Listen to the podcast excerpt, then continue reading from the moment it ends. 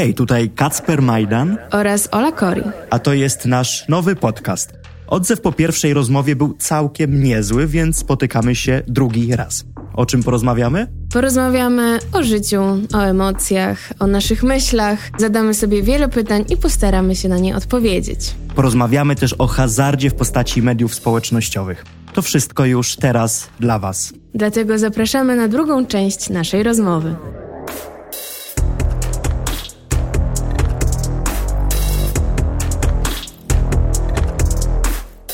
Czym się stresowałaś, jak jechałaś tutaj do studia znowu? Myślałam, że za drugim razem właśnie będzie tak, że a, pierwszy raz był spoko, to teraz... Ale za pierwszym razem się stresowałaś. Za pierwszym razem się stresowałam, bo nie wiedziałam, co mnie czeka. I poszło fajnie. A teraz, A teraz jest pojawia presja. się presja, bo to tak jak na reżyserze, który zrobił super film, pierwszą część i później jest presja, czy drugi film będzie tak samo fajny. Albo jeśli muzyk nagrywa pierwszą debiutancką super płytę, to porównywany jest od razu, czy ta druga płyta będzie tak samo fajna i zaskakująca. Z Także- muzykami jest syndrom trzeciej płyty, więc my Trzeciej? powinniśmy się obawiać przy trzeciej No, płycie. to zobaczymy. przy naszej trzeciej płycie, przy naszym trzecim podcaście, a z filmami jest dużo filmów, które przynajmniej utrzymują, a czasami nawet druga część jest lepsza niż pierwsza.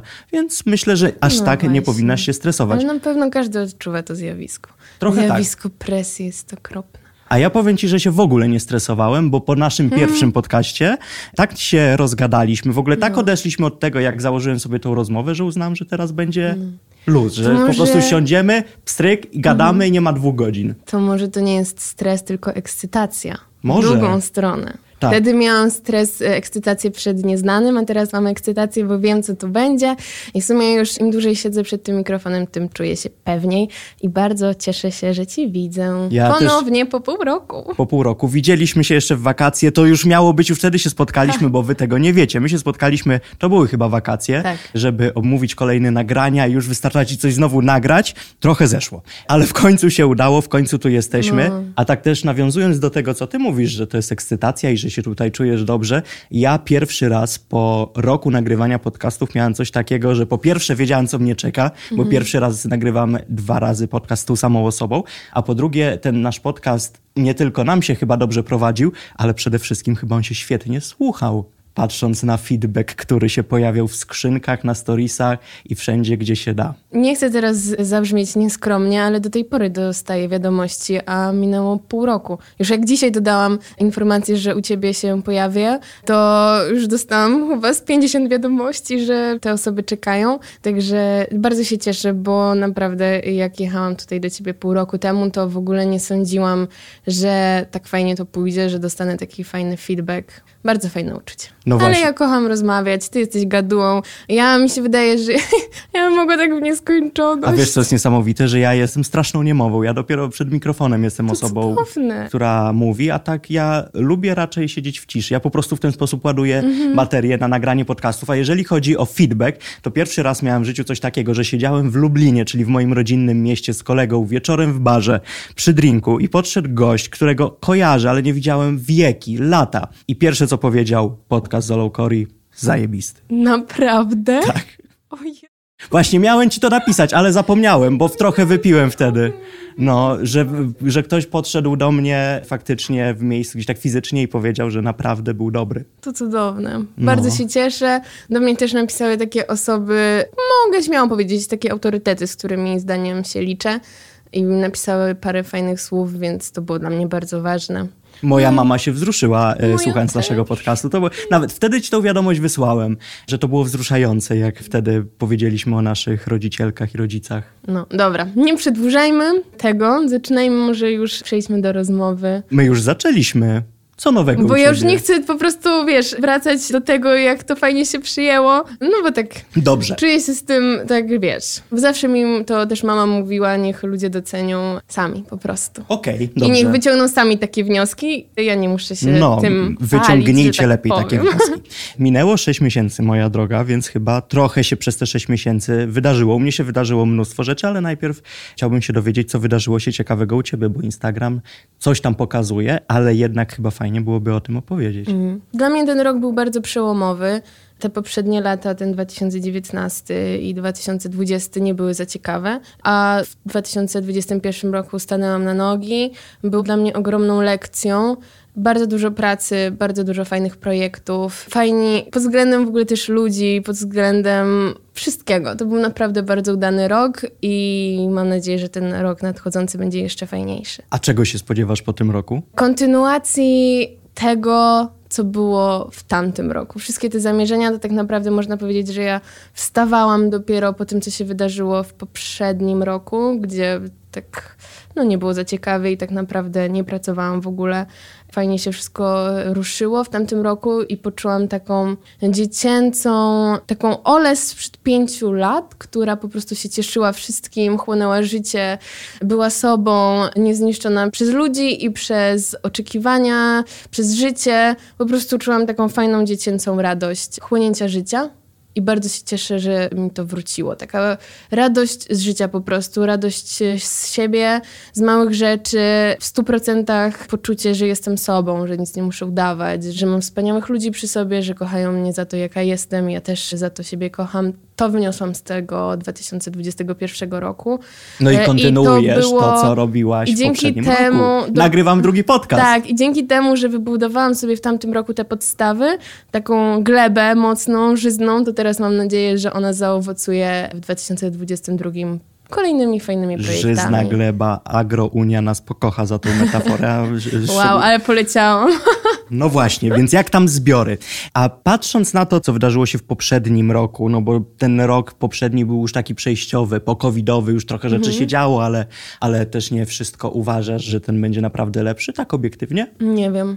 Szczerze to nie wiem, bo to zawsze jest niespodzianka. Ja sobie mogę planować, snuć plany, wizualizować, co to będzie. Ale trzeba wizualizować. No oczywiście, że tak. Ja uważam, że na tym polega całe moje życie. Ja sobie to, jak ja teraz żyję, to ja sobie to wymyśliłam kiedyś i to się spełnia. Ale to jest świetny wątek w sumie, bo wiele osób się z tego śmieje, że wizualizacja, że myślenie o czymś, wyobrażanie siebie w konkretnej sytuacji, mhm. która chcielibyśmy, żeby się wydarzyła, że to są jakieś bójdy coachów i tak dalej. Ja, co wielokrotnie podkreślałem, jestem osobą, która ma bardzo, mówiąc czule, zdystansowany stosunek do całego -hmm. tego coachingu i, i do tego. To chyba właśnie nie coaching, bo coaching jest taki, że rób właśnie, ponad ale swoje to nie siły. właśnie, nie i to tego. nie jest coaching, tylko to jest coś, co naprawdę jest w stanie nas doprowadzić do miejsca, gdzie chcielibyśmy być, że nagle marzenia to są cele, tylko ich realizacja jest trochę tam odroczona. I myślę, że wiele osób, które tego posłuchają i na pewno, które już słuchały też pierwszej rozmowy, są ambitne i chciałyby się gdzieś w jakiejś Dobra, fajnej kocham roli. ten temat. Właśnie, ja go... Już mi się oczy zaświeciły tak, chyba. Ja specjalnie w ogóle ten temat poruszyłem, bo wiem, że teraz Ola Kori będzie mówić przez pół godziny, ja pójdę, zrobię sobie kawę, wrócę, ona będzie dopiero zaczynać. Ale tak, uważam, że naprawdę wizualizowanie sobie siebie w przyszłości mhm. pozwala naprawdę osiągnąć super rzeczy. Tylko to jest taki tutaj kruczek, trzeba też pracować. To, że ty sobie możesz wizualizować siebie, że tak twoje życie wygląda, robisz to i to za parę lat, to nie ma znaczenia, bo ty sobie możesz widzieć siebie w takiej roli, dopóki w to nie uwierzysz, że to już jest, że ty wchodzisz jakby w skórę tej osoby za pięć lat i ty się czujesz, masz taki silny mindset, że jesteś silna, successful i tak dalej, że po prostu widzisz siebie tak, jak widzisz siebie po prostu po wizualizacji za parę lat. Kurczę, ja nie potrafię tego tak racjonalnie wytłumaczyć, czy to jest jakaś magia Czy... Tak, to jest magia, my tutaj czarujemy. No nie wiem właśnie o co chodzi, czy ten wszechświat czyta myśli, czy jak to działa, A wiesz co, ale ja myślę, spotkałam że... się z tym wiele, wiele razy, że to działa po prostu. A wiesz co, ja myślę, że to nawet już abstrahując od tego wszechświata, gwiazd, znaków zodiaków i tak dalej,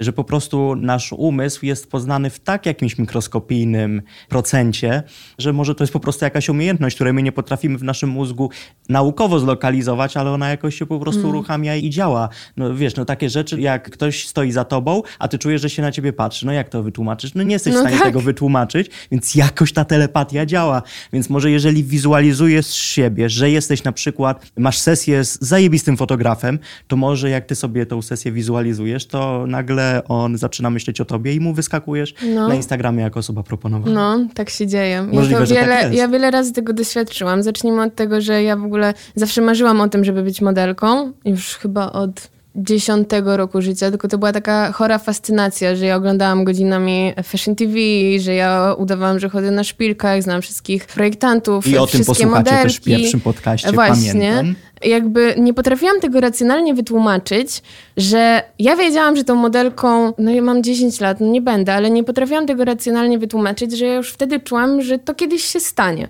Nikt nie używał słowa wizualizacja te 10 czy 15 lat temu, ale później zrozumiałam, że na tym, jak ja sobie wtedy wyobrażałam moje życie, tak bardzo wiedziałam, jak ma wyglądać, że po prostu to zaczęło się dziać samoistnie i wiedziałam, że moje życie będzie tak wyglądać za parę lat, jak wtedy sobie wymyśliłam. Nie potrafię tego właśnie racjonalnie wytłumaczyć, ale często zapominam o tej sile, o tej sile myśli i na przykład jak coś jest za długo źle w moim życiu, to co zaczyna coraz dłużej trwać i jakby ja zapominam, że może być znowu fajnie i ciężko mi się znowu przestawić na ten tryb dobrych myśli, albo potrafię siebie zaszufladkować w czymś, że nie, to przecież jest za trudne, żeby się wydarzyło. I miałam w poprzednim roku, spotkałam się z moją przyjaciółką w grudniu. Ona też bardzo wierzy w afirmacje i zrobiłyśmy sobie taką noc magii, noc afirmacji. Zapisałyśmy sobie na kartkach nasze cele, to co chcemy, żeby się wydarzyło w tym roku. Tylko, że właśnie przy każdym podpunkcie zanim jakby sobie zapisałyśmy ten cel, zamykałyśmy oczy i wyobrażałyśmy sobie, że to już się stało. Czyli jakby wierzymy w to, że widzimy się w tej sytuacji. I ja wierzę, że, że to się wszystko uda. Ale Pamiętam widzisz, jak. zapisałaś to i to jest w ogóle coś takiego, co jest też już jakoś tam udowodnione, że jeżeli sobie coś zapisujemy, to jest kilkukrotnie większa szansa, że to Mhm. zrobimy. Zapisanie tego fizycznie, jeszcze nie w komputerze czy w telefonie, ale na kartce, długopisem, Mhm. jeszcze ponoć to wszystko potęguje. Także to jest też jakaś taka rzecz, która już sprawia, że jeżeli jest zapisane, no to już jest jakiś Mhm. na to dowód, więc no teraz trzeba to zrobić. Ale mówisz, że nawet 10-15 lat temu ludzie za bardzo tego nie nazywali wizualizacją, że to może, może miało miejsce, ale nie było tak na pewno na świeczniku, jak jest teraz. Ja pamiętam, mój guru Kuba Wojewódzki swój program telewizyjny miał w liceum wymyślone i opisuje to dość dokładnie w biografii. Ja miałam ostatnio też taką sytuację, że jak wyobrażałem sobie, z kim chcę robić jakie rzeczy, teraz nie ukrywam, że takie rzeczy robię pracując z osobą, z którą pracuję, to w połowie poprzedniego roku miałem déjà vu, że ja coś, co sobie wymyśliłem No, rok czy półtora roku to temu, właśnie. nagle się wydarzyło, tylko że wtedy zamiast poczuć radość, to dostałem paraliżu. Mówię, what the fuck, ja już tu byłem, to się działo Tak. i naprawdę poczułem się strasznie. Jakby za oknami padał deszcz, była burza i było czarno, to przysięgam, że mógłbym się przestraszyć. No, Jezu, to jest właśnie to, o czym mówię, to jest ta magia i bardzo fajnie, że o tym rozmawiamy, bo to mnie napędza do tego, że to jest możliwe i że trzeba właśnie tak myśleć i mi się wydaje, że sam fakt wiary w to, że tak będzie, od razu sprawia, że wstajesz rano i twój dzień staje się lepszy, bo po prostu widzisz siebie jako pracowitą osobę, która ma osiągnąć to i to, więc wierzysz w to, że tak będzie, więc wstaję rano, robię to i to, mam taki cel i po prostu dążę do tego celu, więc super. Ja pamiętam, jak byłam na kontrakcie w Turcji i tam skręciłam sobie, no, nogę bardzo poważnie. Naderwałam ścięgno Achillesa w tak głupi sposób. A w jaki?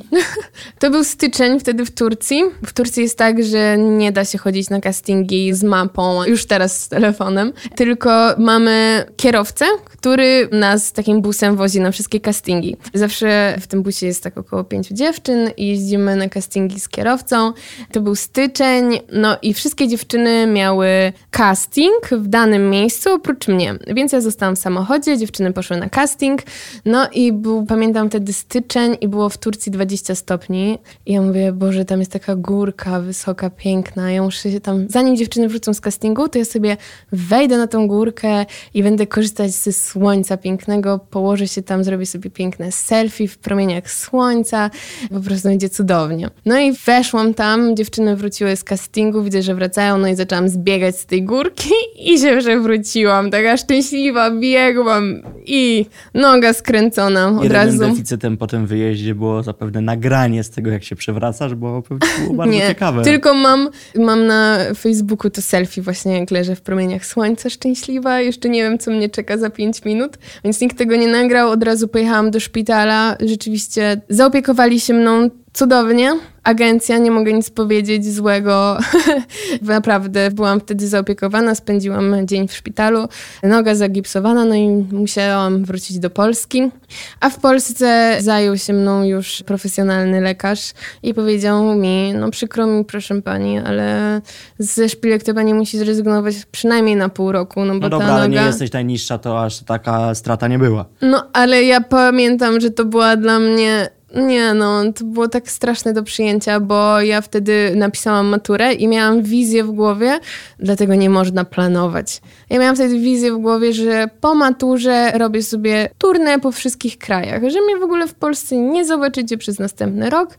Ja po prostu latam z kontraktu na kontrakt i rzeczywiście pierwsze pół roku tak było, dopóki nie poleciałam do Turcji i wtedy nie wydarzył się ten wypadek. No i dostałam właśnie informację, że czeka mnie pół roku przerwy na szpilkach, więc automatycznie no, wiązało się to z tym, że w modelingu nie będę pracować, więc musiałam sobie znaleźć inną pracę. A musiałaś uczyć się na nowo na nich chodzić, czy to już przyszło Nie, tak? to już jakby musiałam chodzić na rehabilitację i potem jak dwa miesiące posiedziałam w domu z gipsem, a później po prostu musiałam te parę miesięcy jeszcze chodzić na rehabilitację i ja powiedziałam lekarzowi, okej, ale ja za pół roku zrobię kampanię butów. ja wtedy przesiedziałam dwa miesiące w domu, dałam sobie te dwa miesiące wakacji i ja mówię, pamiętam ten moment do mamy, jak mówię, mamo, ja nie mogę siedzieć pół roku tutaj, ja wiem, że jakby nie mam innej pracy, ale obojętnie co się będzie działo, to ja muszę ten czas wolnego wykorzystać. No i mówię, dobra, to już w sumie jakieś doświadczenie mam, wyślę moje CV do różnych portali modowych, żebym sobie tam pisała w wolnym czasie artykuły. I pamiętam, jak jedna koleżanka mi powiedziała, co? Przecież w ogóle ani nie masz studiów dziennikarskich, ani nie masz żadnego doświadczenia. Ty wiesz, ile jest chętnych dziewczyn na to miejsce, żeby pisać artykuły? Ja mówię, no i co z tego? Jakby nie chcę o tym myśleć w taki sposób. Po prostu nie złożyłam takiego zwykłego CV, tylko poszłam trochę w drugą stronę i napisałam: Dzień dobry, nazywam się Ola Korytowska. Oto pięć pomysłów, które chciałabym wdrożyć. Co mogę wnieść do portalu? A nie bałaś się, że ci to propozycji. ukradną? Bo to jest też coś takiego, dzisiaj jak się wysyła jakieś pomysły agencjom, firmom Mhm. i tak dalej, i tak dalej, to te pomysły są już zastrzeżone, żeby nikt nie, nie podpieprzył ci tych pomysłów i później powiedział, nie, nie, jednak z panem, z panią, z państwem, to ja jednak nie chcę. Nie myślałam wtedy o tym. A ja widzisz, byłam a teraz jeszcze młoda i naiwna. Ja miałam wtedy 19 lat, więc ja jeszcze wtedy nie wiedziałam, że świat jest zły i ludzie tak mogą robić. Całe szczęście nikt tak tego nie zrobi, tylko zobaczył, że okej, ona jest pomysłowa, ona ma pomysł, ona ma plan i połowa z wysłanych CV skończyła się spotkaniami i w końcu zatrudnieniem mnie. Musiałam później chodzić, ale jakby nie ukrywajmy, ja wtedy nie mogłam się utrzymać w Warszawie z samego pisania artykułów. Kochałam to, sprawiało mi to ogromną przyjemność i się bardzo z tego cieszyłam, że w ogóle to się stało i że to jest możliwe i się super w tym rozwijałam, ale nie mogłam się z tego utrzymać, więc poszłam do pracy, do biura jako sekretarka. Też poznałam tam cudownych ludzi, było bardzo fajnie i cały czas miałam z tyłu głowy, że będzie ta kampania butów. Chodziłam codziennie do pracy, to miałam takie miejsce właśnie z witryną sklepową, buty i tak dalej. No i później jak już jakby porzuciłam tą pracę w studiu, wyleciałam na rok do Niemiec do pracy. To był taki mój kolejny przystanek, że jak już mogłam wrócić do modelingu, że wróciłam do modelingu, przeprowadziłam się do Berlina, no i pewnego dnia dostaję maila, że dostałam kampanię Nike sesja na Ibizie z najlepszym fotografem na świecie, którego po prostu jestem ogromną fanką. Który nazywa się? Mert Allas. Mert Allas i Markus Pigot to jest taki duet. Robią zdjęcia największym gwiazdom, Rihanna, Kim Kardashian i musiałam, jeszcze jak dostałam tę informację o tej kampanii, to jeszcze napisałam raz do nich, czy na pewno nie pomylili nazwiska fotografa, bo to było, tak mi się wydawało, niesamowite. Sesja na Ibizie się odbyła. I później jak ta kampania wisiała, to wisiała dokładnie w tej witrynie, przy której ja codziennie przychodziłam do pracy i naprzeciwko mojego biura, gdzie mój jakby szef, tam gdzie pracowałam, wysyłał mi zdjęcie, że naprzeciwko mojego stanowiska wisi mój billboard. Miałam naprawdę ten mindfuck. Mówię, nie, to jest niesamowite, no. No, Tak czyli- jak sobie wymyśliłam, No właśnie, tak było. ale wiesz co, bo opowiadasz o tych wyjazdach tutaj Niemcy, chociaż bardziej w tym kontekście pasuje ta Turcja, bo nie zapytałem ciebie ostatnio o to, a, a w sumie powinienem, czy cię nigdy nie bałaś pojechać w takie miejsce, znając też no, wiele tych niefajnych, nieciekawych historii, że kobiety wracały i lądowały w burdelach, były wykorzystywane i tak dalej. Nie miałeś takich obaw? Nie, bo nigdy w prawdziwym modelingu, a ja raczej jestem w profesjonalnych agencjach, no nie raczej, tylko jestem w profesjonalnych agencjach i nigdy o czymś takim nie słyszałam. Nie spotkała mnie nigdy niebezpieczna sytuacja. Zawsze wszystko pełen profesjonalizm, więc nigdy nawet nie miałam takich obaw. A nigdy Raz- nikt nie, cię nie próbował nawet wykorzystać w jakikolwiek sposób? Już nawet nie mówię, że Nigdy. fizyczny. Nigdy. Nie wiem, no wykorzystać pod względem fizycznym nigdy nie dostałam żadnej propozycji, żadnego nawet... Nie, nigdy nie czułam się nieswojo. Zawsze, jeśli pracowałam z profesjonalistami, to czułam, że szanują moje granice i czułam się swobodnie. Nigdy mnie czegoś... Nie, nigdy mnie nie spotkało nic złego. Miałam to szczęście. Nie wiem, może inne dziewczyny mają inne odczucia i inne przeżycia, natomiast ja mówię w swoim imieniu, że całe szczęście, że nigdy mnie nic takiego nie spotkało, więc się cieszę. Natomiast jak byłam w ten sam dzień, kiedy złamałam tą nogę, to w Turcji był atak terrorystyczny na Hagię Sofię. Jeśli miałabym się bać lecieć do Turcji, to tylko dlatego. Rozmawialiśmy przed startem tej rozmowy i powiedziałaś mi bardzo ciekawą rzecz i nie mogłem się powstrzymać, żeby tego wątku nie zacząć przed rozmową, więc zacznę go teraz. Uzależniłaś się od TikToka. O Boże, tak? Powiedz nam coś więcej. Bo ja byłam bardzo sceptycznie nastawiona do TikToka, bo Mhm. patrzyłam na TikTok tylko przez pryzmat tańczenia i śpiewania i że to wydawało mi się tak bardzo głupie i tak bardzo tego niepasujące do mojej wizji świata. Jeszcze tyle disco polo, no hello. Tam disco polo jest? Nie. Słuchaj, ja, Mi się ja, wydaje, że tam rządzi rap. ja nie chcę oceniać, bo nie jestem tego typu osobą, ale Ewelina Ros, która była tutaj u mnie kilka miesięcy jeszcze przed pierwszym razem, jak ty się pojawiłaś, na TikToku wypłynęła dzięki temu, że tańczyła do kawałków disco polo. Mhm. I naprawdę może te algorytmy jakoś, jak ona mi się zaczęła wyświetlać, tak nakierowały, że ja później tego disco miałem jakiegoś perkusistę, który Okej, gra disco no polo, ja jakichś e, bo- gości z jakichś po prostu malutkich miejscowości, którzy jeździli, to było przekomiszcze jakimiś starymi BMW i tam leciał kawałek disco polo śpiewający, że no widzisz teraz co straciłaś, tego typu rzeczy i to było Okej. przezabawne, więc Boże, to mi się na szczęście nie wyświetla. Dziękuję, mój algorytm kochany mnie zna. on cię podsłuchuje w tym momencie, także spokojnie. Prawdopodobnie tak, więc no, po tej rozmowie będą same fajne rzeczy edukacyjne. I o tym chciałam powiedzieć, że mi się wydaje, że Instagram przez lata tworzył taki zakłamany obraz A rzeczywistości. to nawet wyszło teraz za sprawą Facebook Papers, że faktycznie była faworyzacja pewnego stylu życia, pewnego No. wyglądu, pewnych zachowań i to wyszło. No i taka dość nieprzyjemna sprawa dla Marka Zuckerberga, aczkolwiek wszystko, co mu się dostało po dupie za to jest całkowicie zasłużone, chociaż też z drugiej strony to była bardzo głośna sprawa. Pamiętam, że to chyba The Washington Post ujawnił i dzisiaj to nie zostało z tego kompletnie nic. Wszystko jest tak, jak było. No to TikTok właśnie jest takim miejscem, który odczarowuje te wszystkie szkody, które zrobił Instagram przez lata.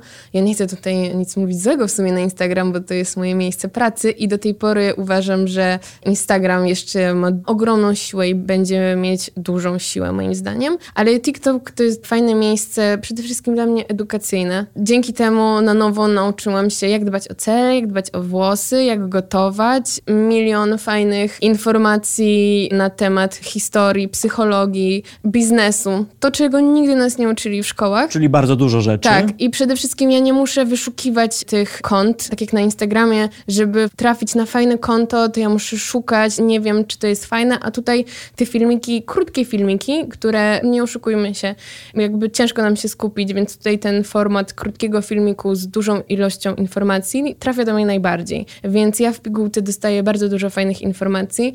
Jest też trochę komedii, ale nie ma tam za dużo rzeczy, które mnie rozbawiają, chociaż też w sumie.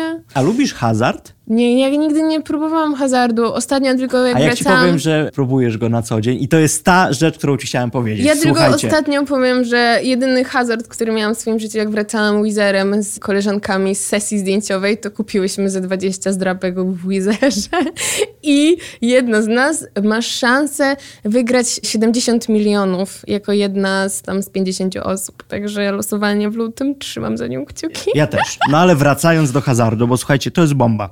Znalazłem na Forbesie amerykańskim No. pewien artykuł, który trochę wyjaśnia, co stoi za fenomenem TikToka, Mhm. ale też wszystkich mediów społecznościowych. Wcześniej Facebooka, później Instagrama, ale w TikToku to jest bardzo nasilone. Otóż scrollowanie i ta niewiedza, co będzie po kolejnym filmiku, zdjęciu i tak dalej, jest dla naszego mózgu bardzo zbliżona do tego, jak jesteśmy w Las Vegas i gramy w kasynie. Że to są mniej więcej w mózgu zachodzą tego typu schematy, tego typu zachowania, że czujemy, że to jest bardzo podobne do hazardu.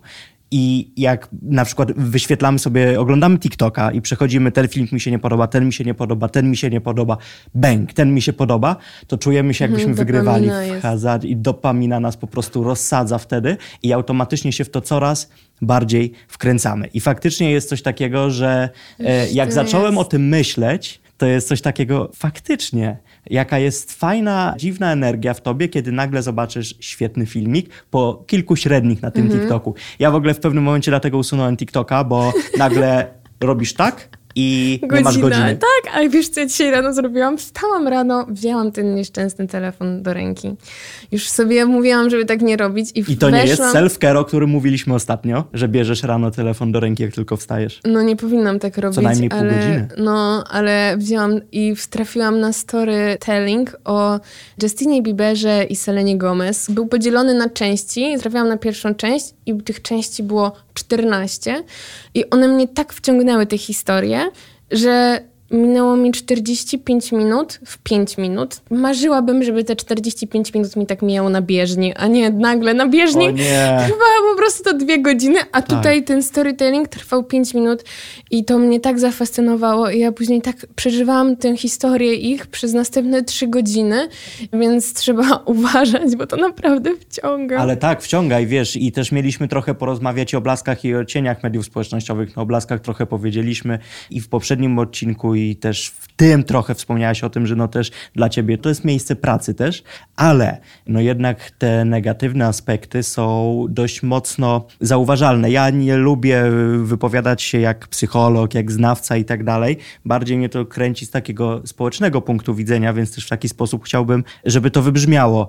Ostatnio czytałem artykuł, gdzie było przedstawione, że na TikToku coraz więcej ludzi sięga po porady psychologów. Znaczy, to był taki artykuł, że TikTok to jest też coś dobrego, bo na TikToku są psychologowie i to nie tylko tacy z nazwy, tylko normalnie licencjonowani po studiach i tak dalej. Są też osoby na przykład z depresją, które regularnie opowiadają, jak sobie z tą depresją radzić. I wszyscy mówią, wow, ale jest ten TikTok zajebisty, a później pomyślą jeszcze 5 minut dłużej, "O kurwa, to wszystko przez te media społecznościowe. Mamy coraz więcej stresu, mamy coraz Widziałam więcej takie lęku. komentarze na TikToku. I naprawdę, no wszyscy idziemy, robimy ten łuk, że na TikToku dużo ludzi nam pomaga, a później jeszcze kawałeczek dalej idziemy, się okazuje, że oni muszą nam pomagać przez tego TikToka, Instagrama czy Facebooka. Ale to tylko od nas zależy, co chcemy oglądać. Nie, właśnie to w ogóle nie zależy No od na nas. Instagramie, Ale tak jak przecież- mówię, nasz... Ale y, na Instagramie też masz algorytmy, też wyskakują posty proponowane. Też jak wchodzisz w tę opcję, gdzie masz zdjęcia nie ludzi, których obserwujesz, one też bazują wszystkie na bazie twoich zachowań.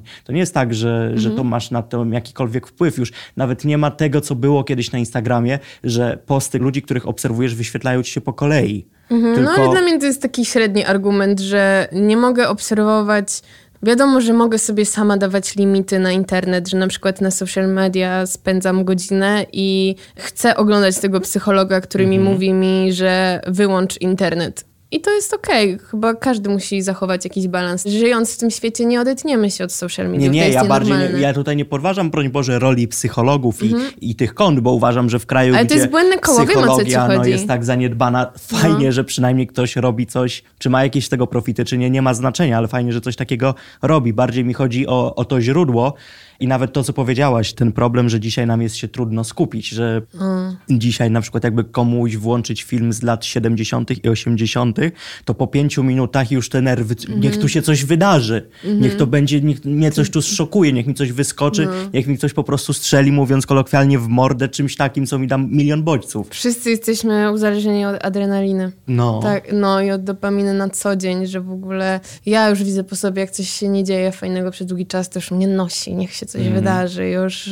tutaj myślę, co tu, gdzie wyjechać, na jaki koncert iść, żeby dostarczyć sobie dawkę tych emocji. No na przykład moją ulubioną rozrywką jest przeglądanie booking.com, jak mam zły dzień. Ja sobie wyszukuję, a wpisuję sobie na jakieś w ogóle kompletnie super. wymyślone kraje, z którymi przyjdą do głowy i szukam sobie na Google Maps jakiejś tam miejscowości, wpisuję ją na booking, często im mniejsza, tym lepsza i sobie przeglądam. Okej, więc mam to, mam to, mam to i nagle mam w głowie, więc jakbym pojechał samochodem najpierw do Francji, ale zahaczyłbym o Włochy, tylko tą małą miejscowość i później mógłbym sobie pojechać do Paryża, ale w Paryżu bym spał w tym małym hoteliku, bo on ma taką i taką historię i nagle to mi sprawia jakoś dużo radości, ale też zdaję sobie sprawę, że to jest właśnie dokładnie ten sam efekt, co przed chwilą powiedziałem. No. To jest takie sztuczne też trochę ładowanie się tymi pozytywnymi bodźcami w momencie, kiedy po prostu nam jest w życiu średnio, Źle, albo mamy zły dzień, jesteśmy zmęczeni i tak dalej. I po sobie, tak obserwując, mam wrażenie, że im więcej właśnie sobie dostarczam tych rzeczy, które mi sprawiają przyjemność i mnie odstresowują w momencie, kiedy kompletnie nie jestem w formie, kompletnie któryś dzień nie jest moim dniem, tym później to wszystko, co przekładałem fajnymi rzeczami, po prostu wraca ze zdwojoną siłą, bo też nie jesteśmy do końca w stanie się tak oszukiwać cały Oszukiwać, czas. dokładnie. I że w pewnym momencie to przygniata. Że cały czas szukasz pozytywnych rzeczy, a jednak no, życie jest takie pół na pół. Składa No. się też dużo, jest dużo negatywnych rzeczy, z którymi się nie wygra. Raz zauważyłam taką rzecz, że jechałam autobusem i na zewnątrz padał deszcz, było szaro i patrzyłam na ludzi, którzy wracają z pracy. I wszyscy, nie, nie, ale patrzyłam właśnie na ludzi, którzy wracają z pracy i wszyscy byli tacy smutni. I ja się złapałam na tym, że ja chciałam wejść szybko do telefonu i żeby popatrzeć sobie na kolorowe, szczęśliwe obrazki. Że moja wizja życia, że ja chcę, żeby tak życie wyglądało, było cały czas kolorowe, a to jest no, niemożliwe. Widzę po prostu na tym TikToku komentarze przede wszystkim pod filmikami, że dużo ludzi jest bardzo zagubionych, no bo żyją w takiej pułapce, że właśnie to życie jest takie kolorowe, a tak nie jest. No i ten TikTok pokazuje, że jednak wszyscy się z tym teraz zmagamy, że jesteśmy też pogubieni, bo jednak też przez lata mam wrażenie, że Instagram wykreował takie życie, że jak już masz 23 lata, tak max, to już masz być milionerem, a jak masz 24 i nim nie jesteś, to już w ogóle coś zrobiłeś źle w życiu. To jest I- pułapka, w którą ja w ogóle wpadłem. Może to milioner to jest takie coś bardzo barwnego i łatwego, żeby coś zobrazować, ale faktycznie jest coś takiego. Ja miałem przez dłuższy czas taką ogromną falę wkurwu, że za mało robię, bo za mało osiągnąłem, bo w tym wieku już powinienem Mhm. No być tak. dużo, dużo dalej. I ostatnio już też po pierwsze dość mocno sobie ograniczyłem media społecznościowe, bo było tego za dużo i zacząłem jednak iść takim swoim tempem, że no jednak życie to nie jest sprint, tylko maraton, więc te siły warto trochę lepiej sobie rozkładać, bo w pewnym momencie też się pojawiło zażynanie, no bo muszę już do jakiegoś etapu dojść, a im więcej się uspokoiłem, im trochę bardziej zdystansowałem się do mediów społecznościowych, mocniej skupiłem się na sobie, tym jakoś wiele rzeczy przychodzi mi z takim większym spokojem i trochę łatwością może, potrafię bardziej się na nich skupić, więc to jest faktycznie to, co mówisz, jest naprawdę dzisiaj no cholernym problemem, mam wrażenie, bo, Ogromnym. bo też wiele osób nadal nie Wizja zdaje sobie z siebie. tego sprawy, że trzy czwarte tych milionerów na Instagramie, na TikToku i tak dalej są za pieniądze, których kompletnie ci ludzie nie mają. Jak ja widzę na przykład, i to jest No. przezabawne, ja znam ludzi, którzy się chwalą swoimi autami na Instagramie czy na TikToku, a ja znam wypożyczalnie, z których są te Okej. auta. Siedzimy w tym internecie i tak zaczynamy się porównywać i oglądamy, to kiedy mamy mieć czas na zbudowanie siebie. No ja właśnie, na przykład. to jest paradoks. To jest takie, może być błędne koło, bo na pewno nie jedna osoba w depresji takiej codziennej potrafi spędzić przed ekranem 10 godzin. Po prostu. Czy to serial, czy to TikTok, czy to Instagram i te dni uciekają przez palce. Ja też się na tym łapię, że czasami mam takie dni. I kolejna rzecz, która się pojawia, to taka presja, no nic nie zrobisz przez presję, moim zdaniem, w życiu. Czy Jakby... presja jest dobra, jeżeli jest kontrolowana? Zdrowa presja, ale no. na przykład ja pamiętam, był taki czas, czy trenerów personalnych, czy coachingu, że musisz... Trenerzy personalni, kocham, kocham, dziękuję tak, wam że... za ten cały content. Naprawdę jest w stanie mnie mocno Że musisz mocniej, więcej, w ogóle nie masz czasu na życie, na nic, tylko jeszcze więcej, jeszcze więcej.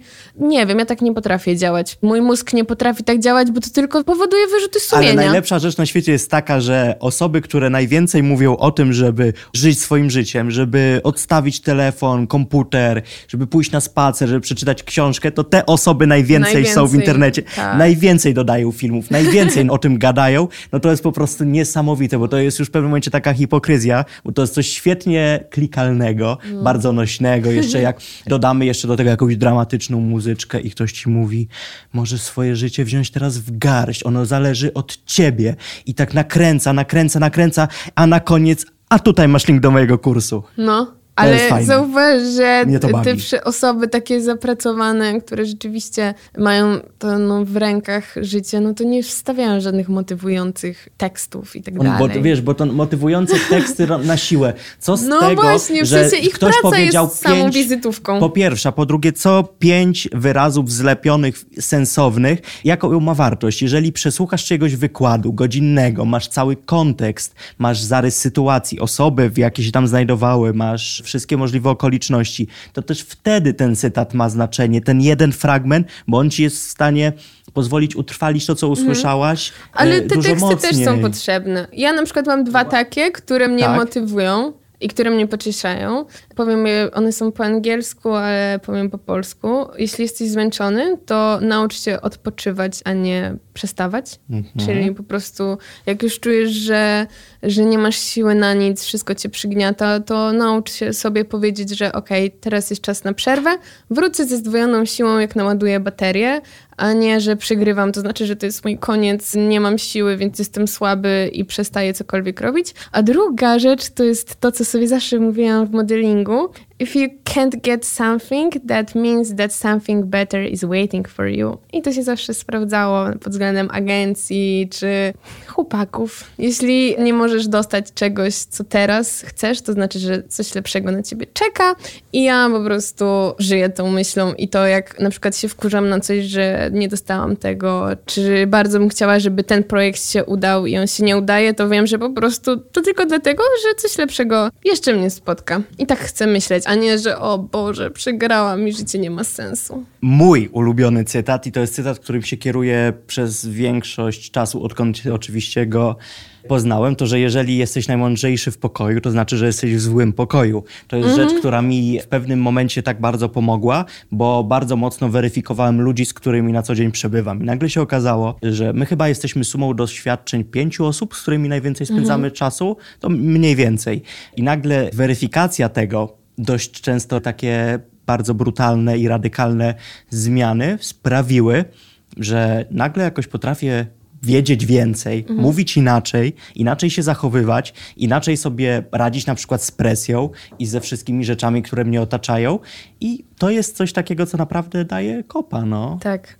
Powiem ci, że to jest bardzo ważne, z kim spędzamy czas. Mhm. Ja jestem taką szczęściarą. Ja z moimi znajomymi Kocham ich przede wszystkim ze względu na mózg i na to, jakie fajne rozmowy możemy przeprowadzać, jakie mamy spostrzeżenia jako młode nadal osoby, a to są osoby tak inspirujące, Naprawdę, jestem ogromną szczęściarą, mam cudownych ludzi wokół siebie i nawet jeśli osiągają więcej sukcesów niż ja, są szczęśliwsze, bogatsze, to działa na mnie tylko to motywująco i inspirująco i że mogę się tym osobom przyglądać, jak po prostu w życiu funkcjonują i sam fakt, jaką mają pasję w oczach, to już jest coś fajnego. To jest super. Ja, moja największa przyjemność, która niestety jest teraz bardzo mocno dawkowana no, przez brak czasu, ale nic mi nie sprawia naprawdę takiej takiej frajdy, jak z moimi przyjaciółmi, którzy są mega, mega inteligentni, mają mega wiedzy, bo cały czas mnie zasypuje jakimiś ciekawymi Mhm. rzeczami, których powinienem posłuchać, które powinienem przeczytać i tak dalej, i tak dalej,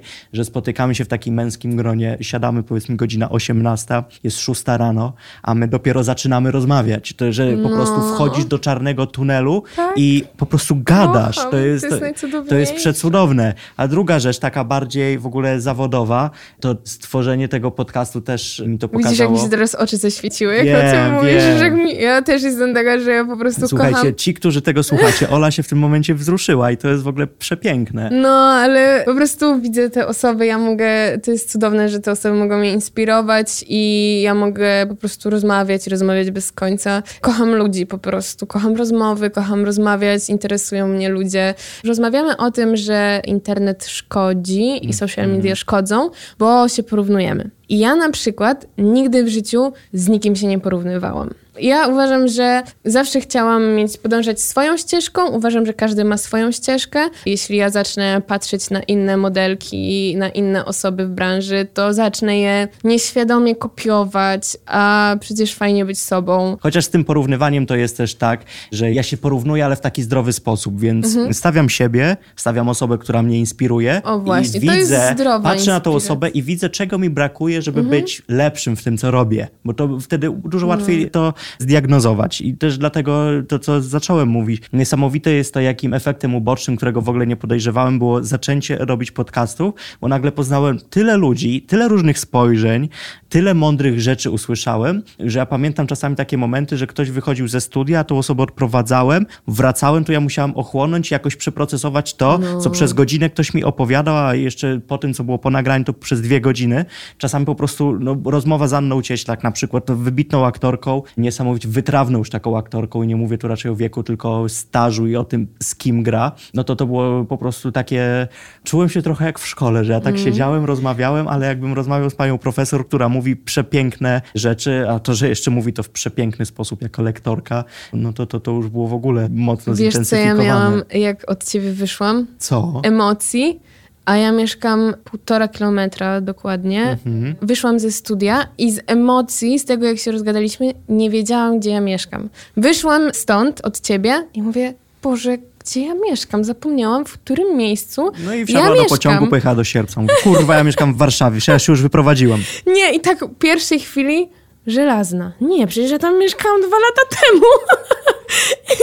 I mówię, nie, to nie Ale wiesz, co mi powiedział twój brat, jak go poznałem? I jak nie udało nam się kilka razy umówić na nagranie, on mi powiedział, nieogarnięta Ola Cori, klasyk. Tak, bo ja żyję w totalnym chaosie. To jest mój na 2022, to był taki podpunkt być bardziej zorganizowaną i skupioną też, a Mhm. nie, że cały czas albo coś zgubiłam, albo zaliczyłam jakąś wpadkę, albo myślę o czymś, to jest to, co muszę sobie pokładać. Ale ja nie wiem, że Ale z drugiej pamiętaj, że strony czasami czy z tym chaos walcz. jest takim twoim stemplem jakości, tym, czymś, czym się wyróżniasz. Naprawdę, są osoby, nie będę o nich mówił, e, Jestem taka od przedszkola, więc już nie wiem, czy jest sens to zmieniać, no bo już tyle lat z tym walczę. Znam osobiście osoby, z którymi pracuję na co dzień, które kalendarz, matko, byłoby dobrze, jakby chociaż mieli jakikolwiek notatnik i zapisali jedną z 300 rzeczy, które musimy ogarnąć i tego nie robią nigdy, a i tak uwielbiam z nimi pracować i jakoś na koniec dnia wszystko spinają. No, ale powiem ci, że pod tym względem jestem oldschoolowa. Mam notatnik przy łóżku i wszystko muszę sobie zapisać, wszystkie moje myśli, które mam, bo jest tego tak dużo, że po prostu siedzę z kartką, zapisuję to, co myślę, jak ma wyglądać mój drugi dzień, no bo inaczej bym tego nie zebrała. To jest niesamowite, bo ja ostatnio mówię, dobrze, Kacper, kupisz sobie w tym momencie notatnik, więc poszedłem do sklepu, wynalazłem sobie pięknego moleskina. Kocham pisać. Odstałem sobie swoje w kolejce, ponieważ był malutki sklepik, więc był limit osób w środku, a w środku były trzy panie, tak bardzo niezdecydowane, że stały tam godziny, na koniec nic nie kupiły, więc ja musiałem poczekać, aż one pooglądają te wszystkie notatniki. Dokonałem tego zakupu w 30 sekund, bo już miałem upatrzony, kupiłem, wyszedłem, wróciłem do domu, otworzyłem, Okej, ale w sumie to co ja mam zapisać? I ten notatnik jest do dzisiaj nieruszony, ale jest tak fajny, że go noszę w plecaku, Nie podoba no, mi się. za- Lubię zapach to- jego papieru, no, No, to są takie analogowe, fajne rzeczy. to już zobaczysz, że to wchodzi w nawyk i to jest fajne. Jednak jak się zapisze coś, to to jest czarno na białym. W każdym razie, zobacz, założyłam te... Słuchajcie, bo ja przed początkiem e, rozmowy, Olu, zdejmij te piękne pierścionki, bo będziesz stukać. Co zrobiła Ola Kori? Położyła je sobie ślicznie na telefonie, w tym momencie je założyła i stukały, także tak. No. Po prostu widzisz tutaj... Więc przepraszam was, e, was za ten dyskomfort, który Ola spowodowała. Próbowałem was przed tym uchronić, nie udało się. No cóż. O Boże, po prostu one leżą obok mnie i tak na nie patrzę i się tak nimi zajmuję i sobie jakoś Dokładnie. tak w trakcie zaczęłam je powoli zakładać. Dobra, już je zdjęłam, już położyłam znowu tak, obok. ale mówisz, mam półtora kilometra do studia a my się spotykamy po pół roku.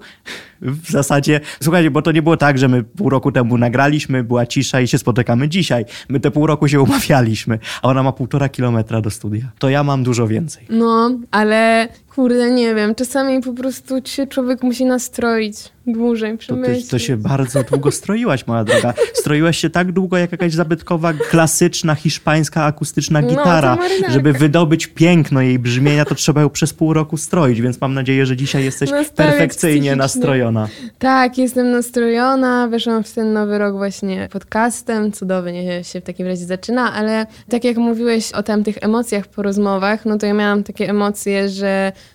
tak się rozgadałam, że po prostu czaszka mi parowała i wyszłam, nie wiedziałam, w którą stronę iść. Musiałam się naprawdę skupić, gdzie mieszkam i mówię, okej, okay, dobra, teraz idziemy do domu. Nie pojechałam taksówką, tylko przeszłam się, wow, półtora kilometra.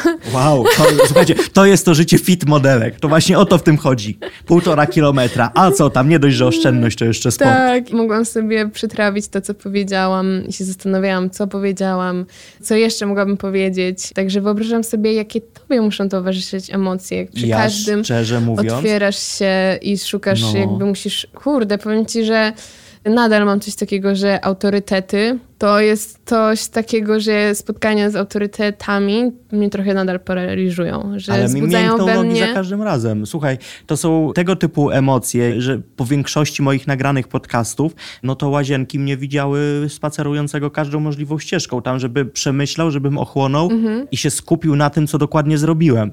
Serio, to czasami były kolosalne emocje. Ja raz nie przyspałem po jednej rozmowie dwóch nocy. Wow. To nawet nie dlatego, że jakoś się zderzyłem z autorytetem, tylko czy ja się nie zbłaźniłem, czy ja zrobiłem to w odpowiedni sposób, czy ja wystawiłem sobie na koniec tym, co robiłem, dobrą laurkę. No. To są rzeczy, których kompletnie nie widać, ale to są rzeczy, które naprawdę potrafią dość mocno zaabsorbować uwagę i nie zawsze niestety też na koniec dnia są pozytywne, bo oczywiście ta cała mądrość i ta frajda, że się poznało kogoś, kim się jara, jest cudowna, ale też jest ta druga strona medalu, bo przy tych cudownych osobach samemu chce się być cudownym i wtedy trzy razy bardziej się widzi swoje niedoskonałości. Mm -hmm. No I to tak, jest no czasami to... taki ciężar, z którym trzeba sobie poradzić. Także no ja narobiłem tysiące kroków, po prostu oswajając się z myślą, że na przykład z kimś tam porozmawiałem i z kimś się poznałem. To jest niesamowite. Wyobrażam sobie, co to są za emocje, bo im ten szacunek do drugiej osoby jest większy, do autorytetu, mm. to na mhm. pewno stres jest też większy. A jaki jest stres, że autorytet okaże się inną osobą niż masz o nim wyobrażenie? A. To jest, oczywiście jeżeli będzie jeszcze fajniejsza, to super, ale jest to ryzyko, że zawsze może być dużo gorzej. Ale fajnie w ogóle, że mówisz o swoich odczuciach, bo mi się wydaje, że jest coś takiego, że ludzie widzą tylko sukces, a nie widzą, co za tym idzie, jaka odwaga za tym idzie, przełamywanie barier, pokonywanie własnych słabości i tak dalej. Mam wrażenie, że tylko pokazujemy efekty pracy, a nikt nie pokazuje tego, jak każdego dnia musi się motywować sam, mhm. przełamywać swoje lęki i tak dalej. Więc bardzo fajnie, że o tym mówisz, bo chyba nikt o tym tak za bardzo nie wie, jaki stres przechodzą gwiazdy przed występem na żywo, rozmówcy, a przecież zobacz, jest ta presja perfekcjonizmu, a błędy to rzecz ludzka. Ja prawdopodobnie też w czasie tego podcastu przejęzyczyłam się, pomyliłam i powiedziałam parę zdań za dużo, których nie chciałabym powiedzieć, ale no na tym polega życie. Dokładnie. Ja w ogóle kiedyś pamiętam, bo ja jestem pasjonatem też muzyki i co też kilka razy już moi słuchacze mogli się dowiedzieć, że no kiedyś byłem DJ-em, ale też bardzo się interesowałem muzyką elektroniczną. Do dzisiaj zresztą to mam. Bardzo mocno zajawałem zajawkowo produkowałem. Mój kolega jest mega zajawkowiczem, jeżeli chodzi o produkcję muzyki, więc go w tym wspieram, gdzieś tam sobie o tym gadamy, wysyłamy różne rzeczy i tak dalej. I ja kiedyś trafiłem na taką bardzo fajną rzecz, że stworzono jakąś serię utworów muzycznych, które brzmiały perfekcyjnie, w sensie pod względem brzmienia, budowania napięcia, emocji, wszystko było idealne. Tam nie było niczego takiego ludzkiego i zrobiono badania na słuchaczach tych kawałków I okazało się, że ludzie wolą słuchać tych niedoskonałych rzeczy Mhm. zamiast tych idealnych. Bo No, bardziej tam czują człowieka, Mogą a nie robota, który leci po prostu, wiesz, jak karabin maszynowy i wszystko robi co do milimetra, co do najmniejszego marginesu błędu. I to dlatego, że to wzbudza emocje jakieś. Mhm. I każda niedoskonałość, każde coś innego wzbudza emocje, naszą ciekawość. Tak sukcesywny jest rap, bo tam Mhm. są właśnie emocje, takie sposoby promocji muzyki, że ludzie są tego żądni, co nowego artysta pokaże. No, albo metody promocji, czyli nie promowania, jak to robi Taco Hemingway, tylko wypuszcza no. nową płytę i ona jest. I nie ma nakręcania, nie ma budowania. Z drugiej strony na przykład To też koncert... jest promocja. No tak, koncert Maty, ostatni openerowy też pokazał właśnie te emocje i, i to wszystko, co fajne idzie za muzyką, tą całą energię, która jest kosmiczna. Więc tak, no tutaj te emocje są konieczne i mam wrażenie, Mhm. że im bardziej pokazujemy w sobie ludzi, tym później jest nas przyjemniej w ogóle jakoś odbierać. No tak, Tak. mi się wydaje. No, ja na przykład w ogóle nie lubię takich wyidealizowanych, pięknych Instagramów. Ja nie przerabiam zdjęć, nie układam w głowie feedu, jak ma wyglądać mój Instagram, tylko lubię taki chaos. Ja po prostu lubię, żeby to było ładnie, estetycznie, bo po prostu kocham ładne fotografie i fotografie, więc nie chcę robić profanacji fotografii, ale nie lubię takich ustawionych, idealnych zdjęć. Lubię właśnie, jak one wzbudzają jakiekolwiek emocje. Bo ktoś fajnie to powiedział, że Instagram powinien być księgą, gdzie zapisujemy emocje chwili. A No. jeżeli pozujemy, jeżeli coś obrabiamy miliard razy, jeżeli planujemy fit, to nie jest emocja chwili. No to jest wrzucenie zdjęcia tak jak na stronę internetową w kontekście, nie wiem, no zakupu butów, tak? No, że są piękne zdjęcia butów i osoby, która te buty ma na sobie, ale to wszystko, ale to nie jest ta emocja chwili. No to nie jest zdjęcie, które wrzucasz po naszym pierwszym podcaście, bo dzisiaj do niego wróciłem. E, to nie jest zdjęcie, które wrzucasz po nagraniu pierwszego podcastu, że dzisiaj nagrałam podcast i, i pamiętam, że wrzuciłaś to zdjęcie w dniu, w którym faktycznie nagraliśmy, więc teraz jak sobie wrócisz do tego, albo jak ja sobie do tego wrócę na twoim profilu, to nagle jest coś takiego, kurde, no co mi wtedy towarzyszyło, jak to wyglądało? Emocje, jakie były wtedy, No, nie? Ale ja- powiem ci, że jak ja przygotowywałam się dzisiaj mentalnie, No. e, bo nie potrafiłam się przygotować w żaden sposób merytorycznie, bo nie wiedziałam, jakie będą e, Mój brief do dzisiaj. Olikori wyglądał trzy zdania. Pogadamy jak tam było, co tam będzie i co fajnego. Okej, dobrze, zróbmy tak. Dokładnie. Dlatego też się trochę dzisiaj bardziej z tym stresowałam, że jakby tematy modelingu były już przegadane na pierwszym spotkaniu i teraz bałam się, że nagle będę mieć czarną dziurę w głowie. A jak się przygotowywałam mentalnie do tego podcastu, weszłam w archiwum zdjęć i przejrzałam właśnie zdjęcia, jak się widzieliśmy w czerwcu, czy tam 31 maja, jak się wtedy czułam, jakie emocje mi towarzyszyły. Jeszcze raz przeczytałam cały feedback od wszystkich osób, jak wyglądał ten podcast. Przeczytałam komentarz mojej mamy. Córciu, jestem z ciebie bardzo dumna, ale nie przerywaj panu, jak mówi. więc, więc już wiedziałam. w ogóle twoja mama mnie po tym podcaście zaobserwowała na Instagramie, a i Ona później wszystko- zdjęcia lajkowała. To było takie urocze, że tak się fajnie zżyliśmy. A ja ci w ogóle powiem ciekawostkę. Moja ja na mama przykład wszystkich moich znajomych pamiętam ubiór każdego mojego gościa. Nieważne, czy mam zdjęcia jakieś konkretne, czy mi się wyświetlają, czy nie. Pamiętam każdą osobę, która przede mną siedziała, dokładnie jak była ubrana i jestem sobie w stanie dużo tych emocji, które wokół nagrania towarzyszyły, Ubranie przypomnieć. mnie. Że to jest często coś takiego, że jak jest rozmowa, która jest dla mnie bardzo ważna, ale też bardzo trudna, to ja w niej jestem, ale jak się kończy, to ja nie wiem w ogóle, że się odbyła, nic nie pamiętam i tak dalej, a już jak ochłonę, to nagle zaczynam pamiętać wszystkie emocje, które mi towarzyszyły. Ten stres, to, że nerwowo spoglądałem na telefon, bo pamiętam, że była jedna taka rozmowa, gdzie prywatnie, zawodowo w ten sposób powiem, działo się tyle rzeczy, że nie wiedziałem, czy nie będę zaraz musiał wychodzić z tego studia, ale jakoś starałem się utrzymać i dograłem tą rozmowę, po której feedback też był cudowny, pomimo tego, że ja byłem w ogóle w innym świecie i jakoś na siłę próbowałem się skupić i żyć tu i teraz. Każda rozmowa to inne emocje, co? Zdecydowanie, ale takie emocje, które jak kiedyś sobie siądę i zacznę wspominać, powiem wow, to było fajne, bo naprawdę no, to jest bardzo oryginalne, że każdy przecież przynosi inną energię. Jak jeden z moich gości, pamiętam kiedyś tutaj do mnie przyszedł i dzwoni do mnie. To jest osoba, nie będę wymawiał nazwiska, rozmawialiśmy przed podcastem, żeby cię teraz naprowadzić o tej osobie i do mnie dzwoni i słyszę przez telefon, że jest wkurwiona. A ja już takie, uuu, to bardzo wymagający rozmówca. Przychodzi, zaczynam coś tam rozmawiać, widać, że jest rozkojarzony w ogóle w innym świecie. Mówię, Matko Boska, a ja nie miałam za dużo czasu, żeby się przygotować, bo ja jakoś bardzo zadaniowo tego dnia podchodziłem, robiłem następna rzecz, robiłem następna rzecz. Nie miałam tej chwili na oddech, na skupienie.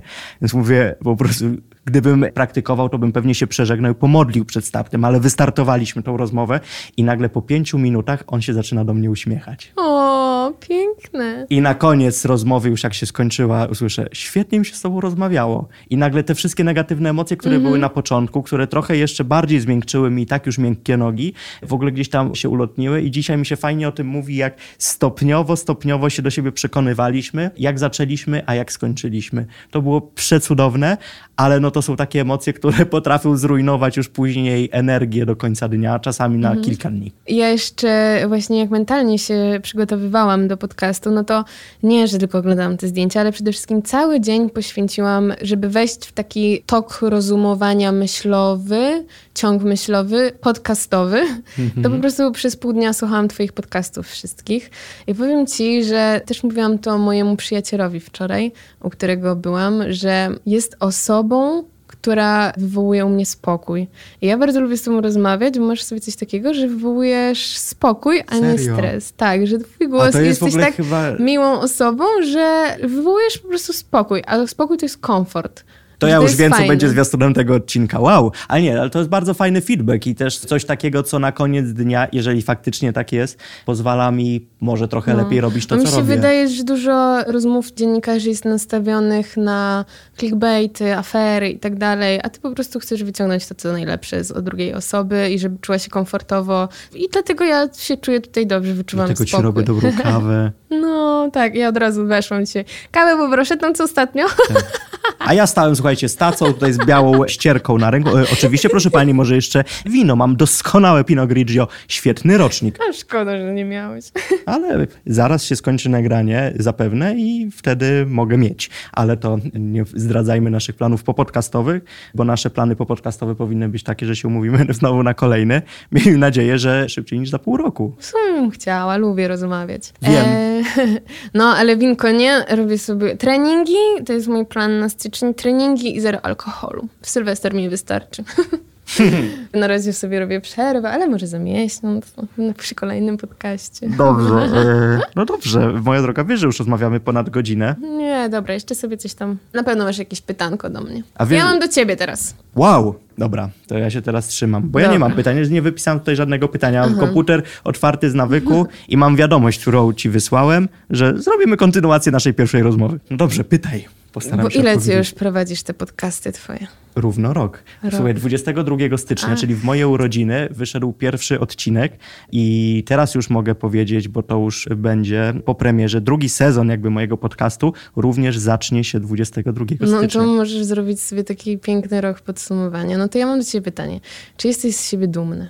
Oj, to zadałaś pozornie najprostsze możliwe pytania, ono jest I chyba najtrudniejsze, najtrudniejsze. bo wydaje mi się, że na pewno zdaję sobie sprawę z tego, że dość mocno się pod wieloma względami wyrobiłem, bo jak teraz posłucham swojego pierwszego podcastu z Olgą Rajską, a ostatniego podcastu z Organkiem, no to widzę ogromną przepaść, przede wszystkim dużo Mhm. większą pewność siebie. Widzę też u siebie na liście gości fantastyczne osoby, gdzie jeszcze czasami nie myślałem, że tak szybko się u Mhm. mnie pojawią, a się pojawiły. Także to jest wow. Ale czy to jest dumne? Ja mam ten problem, że ja chyba nie potrafię tak w 100% się docenić. W ogóle nie potrafię się Mhm. docenić. Może się nie dołuję, ale ja raczej zawsze wyszukuję, co mogę poprawić, a nigdy jakoś nie Mhm. doceniam. To mi wyszło. Okej. No to mi się wydaje, że to jest fajna odpowiedź, że potrafisz docenić to, co się stało przez ten rok, potrafisz zauważyć progres, a mimo to nadal jakby dążysz jeszcze, że jeszcze chcę więcej i jakby... Co jest chyba taka dobra cecha, że jestem dumny z tego, bo jesteś dumny z tego, co się wydarzyło przez Tak, rok, jest, znaczy, ale nadal jesteś no. głodny. Ja wiem, że to jest dopiero start, że jestem nadal na linii startu, może zrobiłem pierwszy krok, ale że nadal jestem bardzo blisko tego startu, więc wyobrażam sobie, że przede mną tego typu różne przedsięwzięcia, już nawet nie mówiąc o podcastach, że to się będzie stopniowo wydarzać i stopniowo będę do różnych rzeczy dojrzewać. No, ale mi się wydaje, że im bardziej będziesz z siebie dumny i im bardziej będziesz się doceniać, to coraz większe nazwiska tu będą. To tak działa. Tak, ale zawsze będę z przyjemnością zapraszał ciebie. W sensie ja nie chciałem za szybko mieć dwa razy tego samego gościa, chociaż wiem, że to w przyszłości będzie niewykluczone. Po prostu o tym wiem, bo z niektórymi gośćmi mam jakiś tam kontakt i robią tyle rzeczy, że trudno byłoby ich nie zaprosić ponownie. Na przykład Mary z Polski. Kocham tę rozmowę. Mary jest cudowna, uwielbiam to ją. była ta Mary, rozmowa, co, to była ta rozmowa, o której ci kiedyś mówiłem, że się bałem, że za bardzo się w niej otworzyłem. To, to Nie, właśnie były... to, było, to była rozmowa, która mnie mocno wzruszyła i przy której mi pociekła łezka nawet, powiem No, ci. Bo to jest no, tak mocny temat. Takiego. Ciężko się nie wzruszyć. Można przesłuchać ten podcast i przy okazji przeczytać książkę Mary. Tak, no i... I będzie wszystko wiadomo, o czym mówimy. No i trochę już stawiając klamrę na tym, co zacząłem mówić, to pomimo tego, że nie chciałem dwa razy mieć kogoś samego w swoim podcaście, to uznałem, że jeżeli mam mieć, to ciebie, bo tak mi się wtedy, pamiętam, fajnie z tobą rozmawiało i też uważam, że nasza rozmowa z tego, co pamiętam, wyszła w takim momencie, gdzie naprawdę już od tego momentu no to każda osoba, która była, no to to już było jakieś takie małe spełnienie marzeń. To oczywiście niczego nie ujmując poprzednim mhm. gościom, ale jakoś później to tak fajnie zaczęło iść, że nagle ktoś sam do mnie napisał, że mhm. fajnie jakby osoba, którą prezentuję wpadła na przykład i takie fajne rzeczy zaczęły się wydarzać i też naszą tą rozmowę, po pierwsze, bo jest dłuższa niż każdy mój podcast, traktuję jako takie właśnie pogadanie sobie o życiu, trochę po podsumowanie, trochę zaplanowanie mhm. tego, co nas czeka i fajnie, że się tutaj znowu widzimy i sobie rozmawiamy. To jest, powiem ci, dzisiaj miałem bardzo ciężki dzień. Bardzo rano wstałem, bardzo dużo rzeczy zrobiłem, miałem na głowie, ale z tą myślą, że wieczorem się spotkam z tobą, to jakoś nie myślałem o tym jako o kolejnym zadaniu, tylko jako o miłym spotkaniu, bo wiedziałem, że się znowu rozgadamy, co się stało i to traktowałem to w jakichś takich fajnych kategoriach. Ja byłam ciekawa tych emocji znowu po nagraniu i napisałam w ogóle do mojej przyjaciółki, słuchaj, ja dzisiaj mam podcast, podcast. Ja po podcaście będę pełna energii, a nagrywamy to już o godzinie 19, więc później ostatnio się widzieliśmy tak gdzieś w południe, no, więc y, ja dzisiaj, ale w ogóle bardzo lubię rozmowy wieczorne, mają w sobie większą szczerość Powinienem jeszcze. w ogóle przygasić światło tutaj. Co nie? I tutaj no, Świeczkę no, zapalić. Magia, magia dodatkowa. Uwielbiam rozmowy nocą i wieczorem. I napisałam SMS-a do mojej przyjaciółki. Słuchaj, prosto po podcaście będę prawdopodobnie na dużej adrenalinie i będę mieć sobie dużo emocji, więc przyjeżdżam prosto do ciebie, żeby z tobą spędzić czas. Masz się z nikim innym nie umawiać, bo ja nie chcę później chodzić, iść wieczorem do siebie, bo mieszkam sama i będę chodzić po pokoju w kółko i po prostu będę tak nabuzowana tą energią i będę tak rozgadana i będę gadać dalej sama do siebie.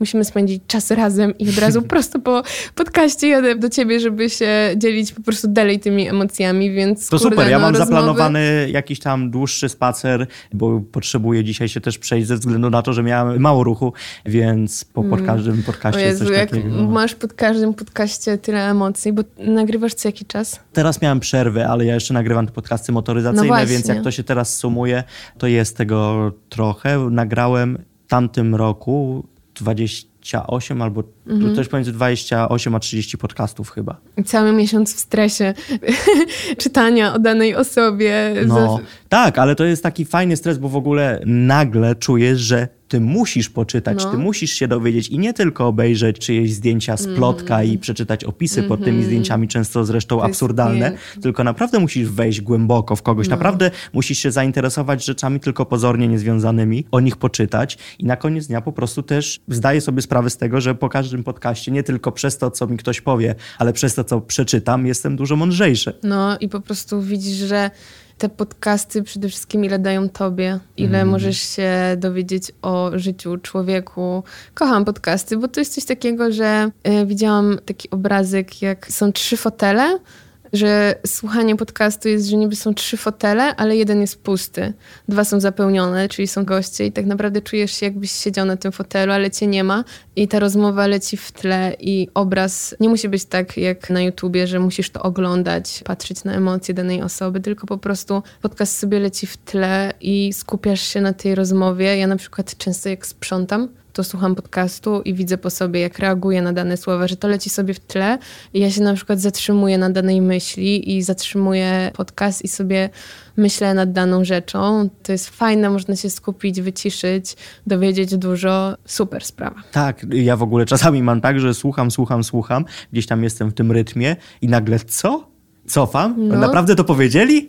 No, to też są takie emocje. Z drugiej strony zawsze sobie wyobrażam tych ludzi, bo wiem, jak to wygląda od środka, czyli wiem, jak wygląda nagranie podcastu i wszystko to, czego słuchacze na co dzień nie widzą. I tak jak teraz sobie siedzimy, to sobie wyobrażam, że na przykład teraz słucham podcastu i jak wygląda miejsce, w którym nagrywają ludzie, których słucham. Jakie mogą mieć miny w danym momencie. Mm. Czasami sobie wyobrażam nawet ich gestykulacje i to się dzieje już u mnie mimowolnie, mm. ale to jest fajne, bo też mocno pobudza wyobraźnię, czyli tak, nie tak jak też. oglądamy coś w telewizji czy na YouTubie i mamy zaspokojone wszystkie zmysły. Nasz umysł nie musi w ogóle działać, bo ma wszystko gotowe. A tutaj słuchamy i sobie wyobrażamy. To a jest tak jak z czytaniem książki. A nie masz wrażenia, że jak nie ma kamer, to osoby się nie muszą zastanawiać nad tym, jak wyglądają, jaką mają mowę ciała, więc bardziej się otwierają, bo po prostu są bardziej sobą i są bardziej skupione na rozmowie, Przede wszystkim a nie dostają na innych mniej bodźcach. paraliżu, bo dużo osób dostaje paraliżu od kamer. Gdzieś tam może w moich podcastach mniej to jest widoczne, bo jednak zapraszam ludzi mediów, więc są oswojone z aparatem, z kamerą,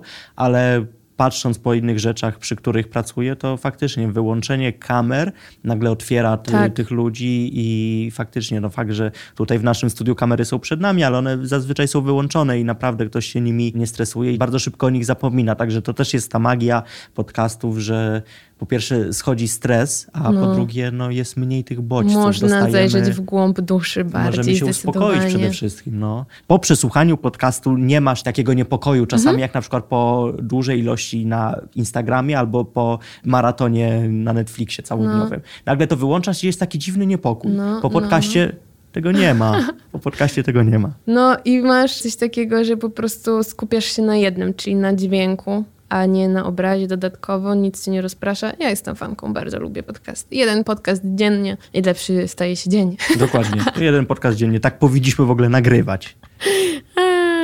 Tak, trochę niewykonalny.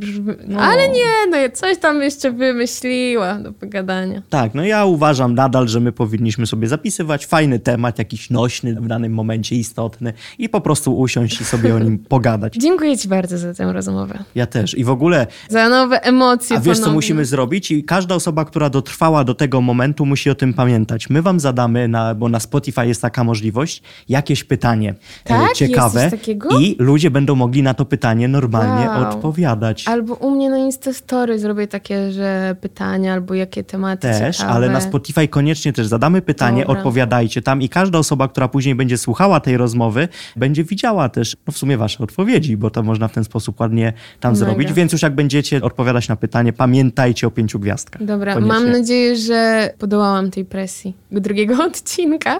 Nie opowiadam już tyle historii, tylko bardziej na bieżąco opowiadam po prostu o życiu więc mówię ogólnie z większym jakimś takim spokojem, mi się wydaje, i że z inną energią, ale każda energia ma sobie coś pięknego. Tak, no tutaj prawda? było więcej spokoju, bo spotkaliśmy się wieczorem, no. znamy się, więc było fajnie. Dziękujemy Wam pięknie za, tak. za ten czas, który spędziliśmy I sobie razem. I niedługo część trzecia. Już tak. jak powiedziałam to na wizji, to już nie będę się tutaj Do... nastrajać. Dokładnie, niedługo część roku. trzecia. Ja ten fragment wytnę i będę regularnie Oli wysyłał, że niedługo część trzecia z pytaniem, no to kiedy ta część trzecia? Dobra, i teraz ja będę przez miesiąc wymyśleć, czy tam przez tydzień temat i no tak. analizować komentarze na TikToku.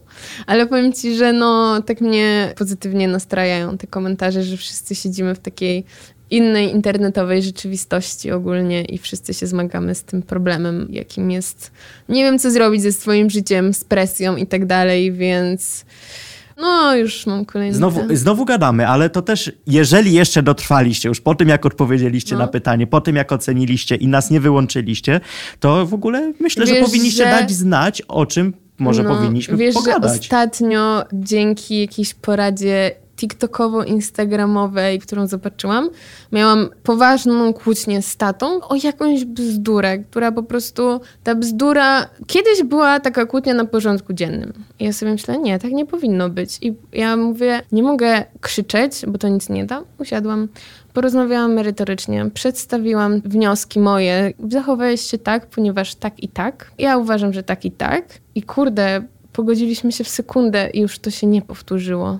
Także trzeba rozmawiać i trzeba siebie rozumieć. Dokładnie. My dlatego z Olą jak rozmawiamy, to na poważnie i długo. Dziękujemy. Dziękuję bardzo. Do usłyszenia. Ola Kori. Dziękuję, że zostałeś z nami do końca. Jeżeli podobała Ci się nasza rozmowa, zasubskrybuj mój podcast. Zapraszam tu same barwne osoby. Kacper Majdan.